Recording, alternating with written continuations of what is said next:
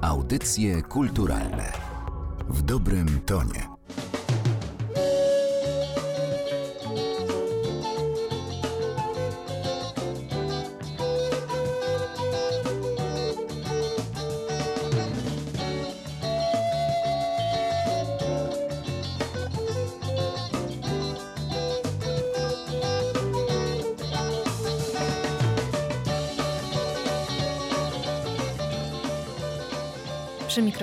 Martyna Matwiejuk. Dzień dobry Państwu. W dzisiejszej audycji przybliżymy sylwetkę Marka Ałaszewskiego, polskiego artysty, muzyka, kompozytora, malarza.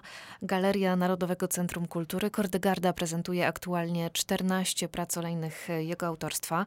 Marek Ałaszewski zapisał się w historii nie tylko jako malarz, ale także jako lider grupy Klan, o której mam okazję rozmawiać dziś z szefem oficyny GAT Records, Michałem Wilczyńskim. Oficyny wydającej płyty z nagraniami dotąd niepublikowanymi lub od dawna niedostępnymi, przywracającej pamięć o muzyce z różnych powodów zapomnianej. Dzień dobry, Michale. Dzień dobry, witam serdecznie. Grupa Klan, grupa, która od y, w zasadzie samego swojego początku, od założenia w 1969 roku, to zespół bardzo oryginalny, od początku odcinający się swoimi pomysłami, swoimi rozwiązaniami muzycznymi od y, tego, co prezentowała reszta ówczesnej polskiej sceny sceny muzycznej. Jak opisałbyś ten pierwszy, oryginalny skład zespołu? Gdzie umieściłbyś go w tym krajobrazie ówczesnej polskiej muzyki przełomu lat 60. i 70.? Znaczy, cały urok klanu polega na tym właśnie, że ich za bardzo się nie da umieścić nigdzie w tym krajobrazie, ponieważ oni byli totalnie wywrotowi. Oni robili to, czego inni nie robili. Marek Ałaszewski zawsze mówił, że nie będzie śpiewał piosenek o miłości, ponieważ wszyscy to robią, więc wystarczy. I są inne ciekawsze tematy. Wszyscy muzycy byli bardzo otwarci na nowe wpływy, które przychodziły do nich z zagranicy i przetwarzali na swój sposób. Robili z tego swoją muzykę. Tak więc tak naprawdę klan był naprawdę zjawiskiem unikatowym, co też zaważyło na tym, że po pierwsze miał bardzo dużą popularność wśród słuchaczy i w Polsce, i także w Czechach na przykład, ponieważ tam też ta muzyka docierała.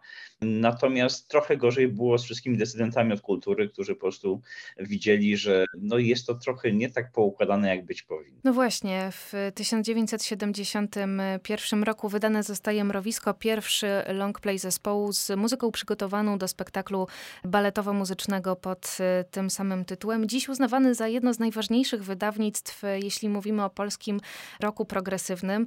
Mówiłeś o tym, że klan miał swoją publiczność, ale z jakiegoś powodu jednak grupa szybko się rozpada. Powiedz trochę więcej o ówczesnych realiach, z jakimi musieli mierzyć się muzycy.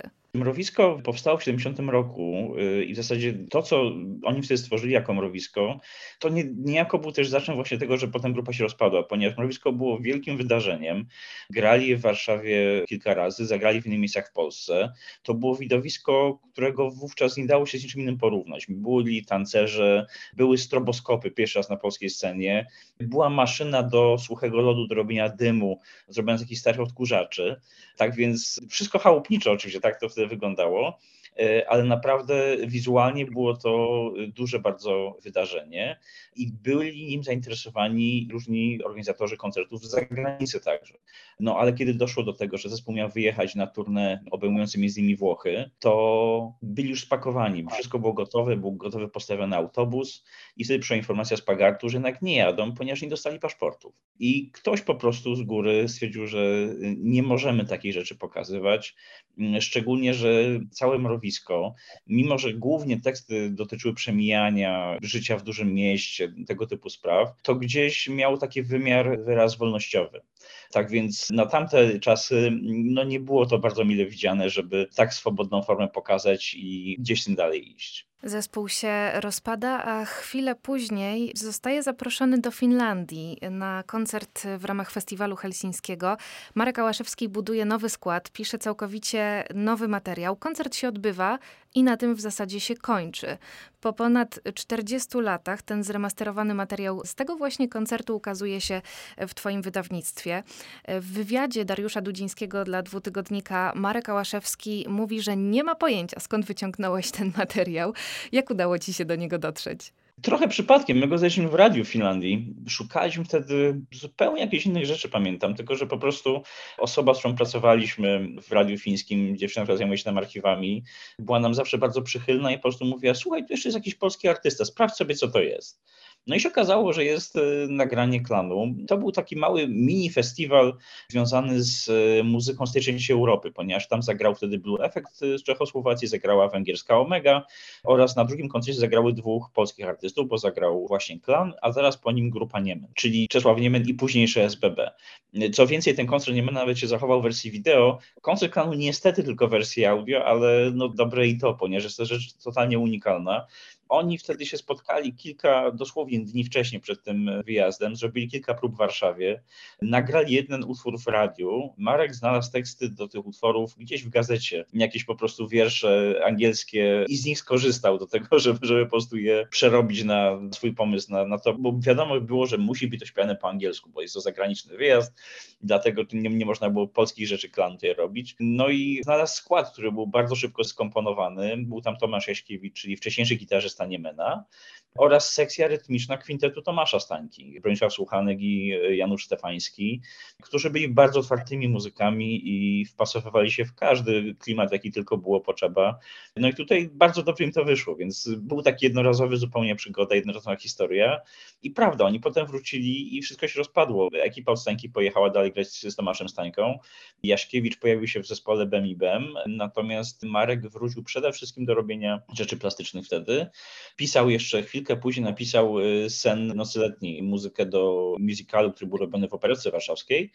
Natomiast w kolejnych latach wracał czasami do muzyki. Nagrywał jeden utwór w polskim radiu, po czym był sobie trzy lata przerwy albo cztery. Pisał piosenkę dla Krzysztofa Krawczyka. Pisał jakieś pojedyncze tematy, które potem na przykład nagrał z Wojciechem Waglerskim w radiowej Trójce. I dopiero do lat 90., kiedy klan wrócił, głównie się skupiał na właśnie pracach plastycznych, a ta muzyka gdzieś tam zawsze z boku istniała i gdzieś takie ciekawe właśnie przebłyski, że tak powiem, tej aktywności się pojawiały. Sporo pracy poszukiwawczej wykonałeś też w polskich archiwach, jeśli chodzi o klan i, i twórczość Marka Łaszewskiego. Wydaliście Nerwy Miast, Chmurę nad Miastem i Senne Wędrówki. E, to zapisy sesji radiowych, nagrań koncertowych, a także nagrań dokonanych na potrzeby polskiej kroniki filmowej. Jak dotarłeś do tych wszystkich materiałów? Jeśli chodzi o kroniki filmowe, to tak naprawdę od tego się zaczęła cała historia naszej firmy, bo w 2000 bodajże chyba siódmym roku, jeszcze zanim GAD jeszcze oficjalnie powstał, ja się widziałem z Markiem w Warszawie pierwszy raz, pamiętam, u niego w, w pracowni, w, w mieszkaniu, oglądam jego obrazy wtedy między innymi, na którym wtedy pracował. Rozmawialiśmy długo o właśnie o historii klanu, miałem okazję zobaczyć że instrumenty, na których nagrywał Mrowisko, między innymi ten słynny flet, który kupił w NRD swego czasu i z, z niego skorzystał.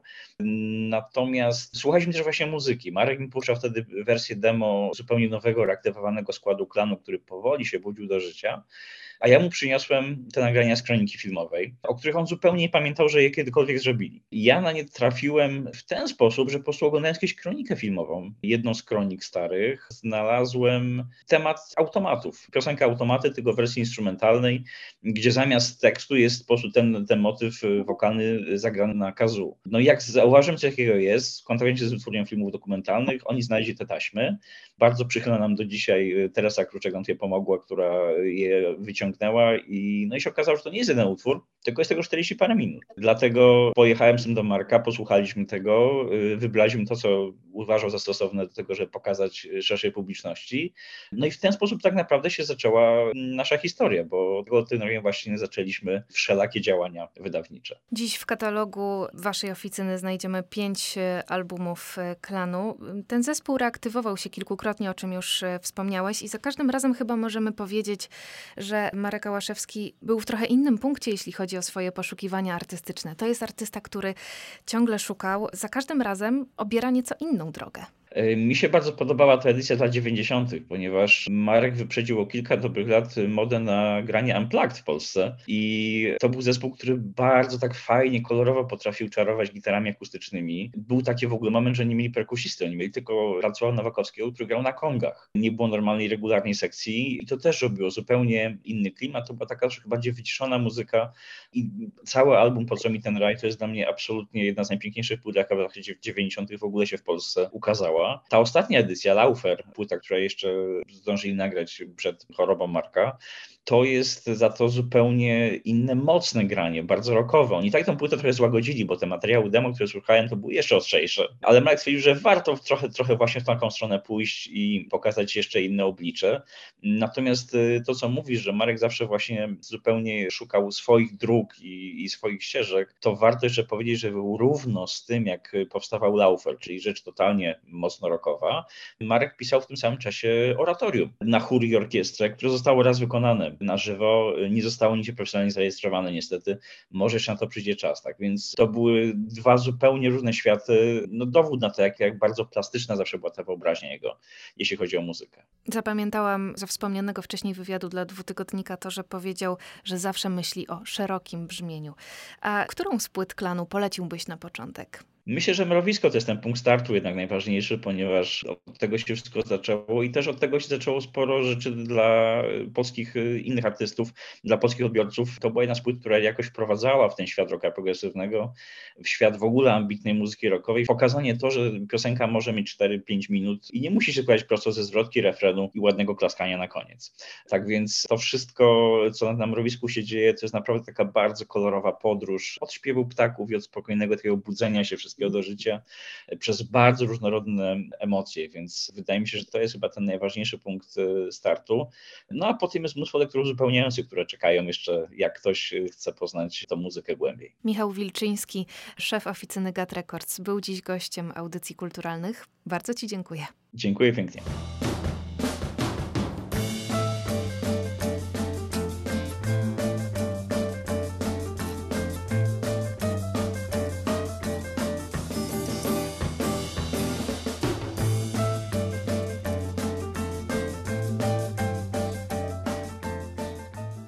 Do 21 maja w Galerii Narodowego Centrum Kultury w Kordegardzie mogą Państwo oglądać prace malarskie Marka Ałaszewskiego.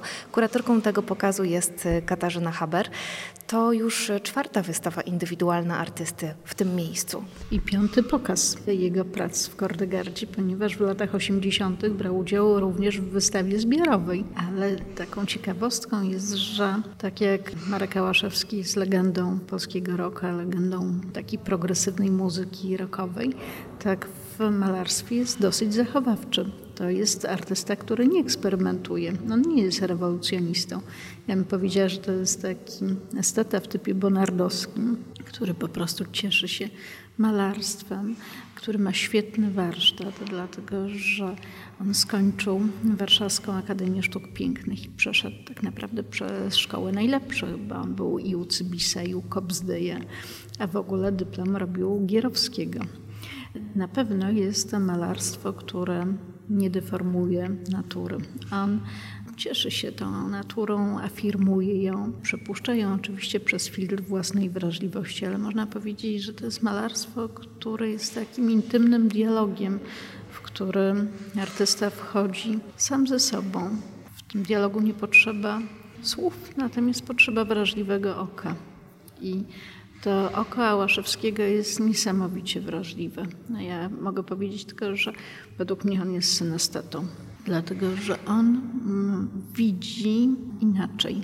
Te jego kolory, te jego tony dźwięczą. To jest niesamowicie muzyczne malarstwo. Rafał Strand mówił wiele lat temu, że Ałaszewski maluje muzykę i, i tak naprawdę maluje w sposób muzyczny. To jest absolutna prawda. To jest synesteta. W Kordegardzie możemy oglądać obrazy inspirowane podróżami.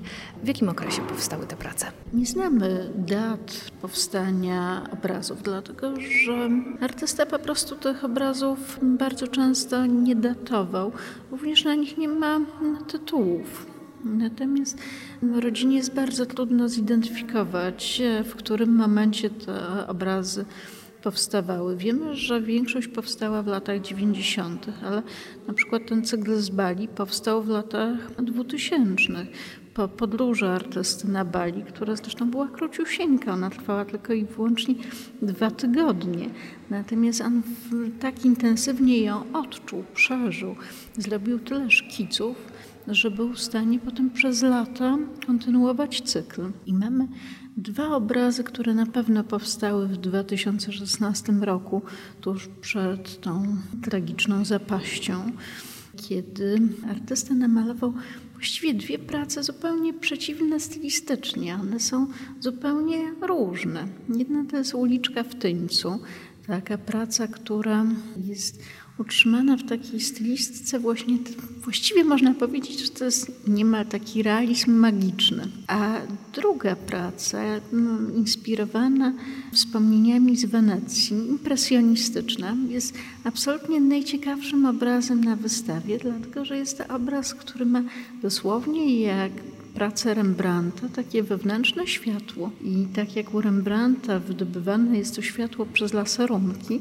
to tutaj to dzieje się w sposób no, zupełnie niesamowity, bo rzeczywiście mamy wrażenie, że ta praca emanuje takim światłem, które się dosłownie z niej wydobywa. I to jest praca, która była malowana dwukrotnie. Brzmi oczywiście dziwnie, ale chodzi o to, że pierwszy obraz, właśnie zainspirowany tą Wenecją, powstał w latach 90. po podróży Marka Łaszewskiego, chyba rodzinnej do Wenecji. I wtedy powstał właśnie taki pierwowzór tego obrazu, który Marek Ałaszewski dedykował swojej żonie. Po czym ten obraz w latach 2000 sprzedał. I nie, jej było podobno troszkę przykro. W każdym razie on jej obiecał, że namaluje drugi taki. I e, powstał obraz zainspirowany tym pierwowzorem, inny, ale gdzieś wyraźnie nawiązujący do tego pierwszego, większy. I ja mówię, że to jest obraz, który emanuje miłością. Mówiłaś też o tym zachwycie nad światem, który bije z tych obrazów. Co jeszcze możemy z nich odczytać? Wydaje mi się, że można z nich odczytać również młodą Polskę i Kraków. To czuje się te inspiracje płynące z takiej sztuki symbolicznej z początku wieków. Gdzieś się czyta w tych obrazach rzeczywiście ten klimat krakowski, młodopolski. No i przez to również czyta się symbolizm tych obrazów. Widać, że Ałaszewski jednak z jednej strony rejestruje rzeczywistość, ale z drugiej strony próbuje zajrzeć pod podszewkę świata. Malarstwo Marka Ałaszewskiego mogą Państwo oglądać w Koredegardzie jeszcze do 21 maja. Zapraszamy bardzo serdecznie.